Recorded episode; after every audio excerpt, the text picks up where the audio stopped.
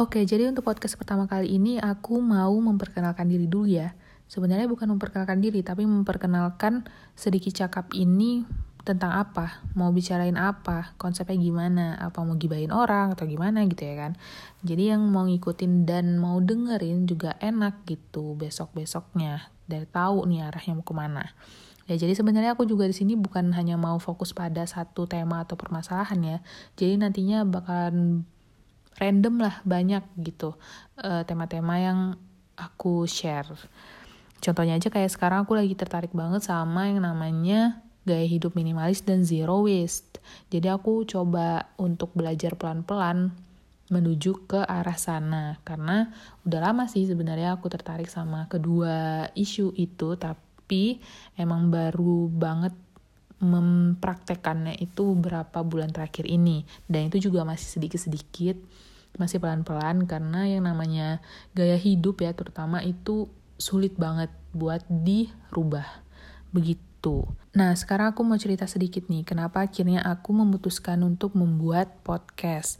Jadi awalnya itu aku semacam terinspirasi lah oleh level up-nya Bena Kribo dan podcast sejuta umatnya manusia Indonesia yaitu Rapot. Siapa coba yang nggak tahu Rapot kan? Kalau yang ikutin podcast nih pasti tahu rapot yang mana.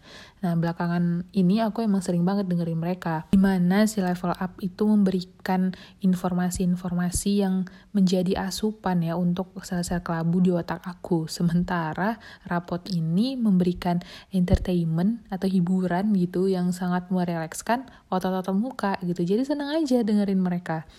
Terus juga kemarin um, si Bena bikin konten yang menjelaskan bagaimana caranya untuk buat podcast. Nah, dari situ tuh aku kayak ngerasa, wah pas banget nih, kayaknya media podcast ini adalah yang paling cocok gitu buat aku men-share apa yang pengen aku share. Karena ya podcast ini kan bisa dibilang salah satu media yang sangat effortless lah ya, karena cuma bermodalkan suara. Nah berhubung aku juga anak yang gak suka nampil dan agak malu gitu kalau diliatin banyak orang, jadi kan kalian nggak bisa tahu nih aku gimana ekspresi ekspresi aku pas ngomong ini gimana um, muka aku gimana aku lagi ngapain gitu. Jadi nggak ada yang tahu kan. Nah ini cocok banget sama kepribadian aku sebenarnya. Tapi ya kalau zaman sekarang bicarain media untuk nge-share itu banyak dan gampang banget ya.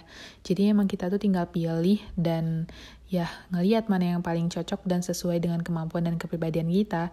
Nah kebetulan aja podcast ini yang cocok buat aku.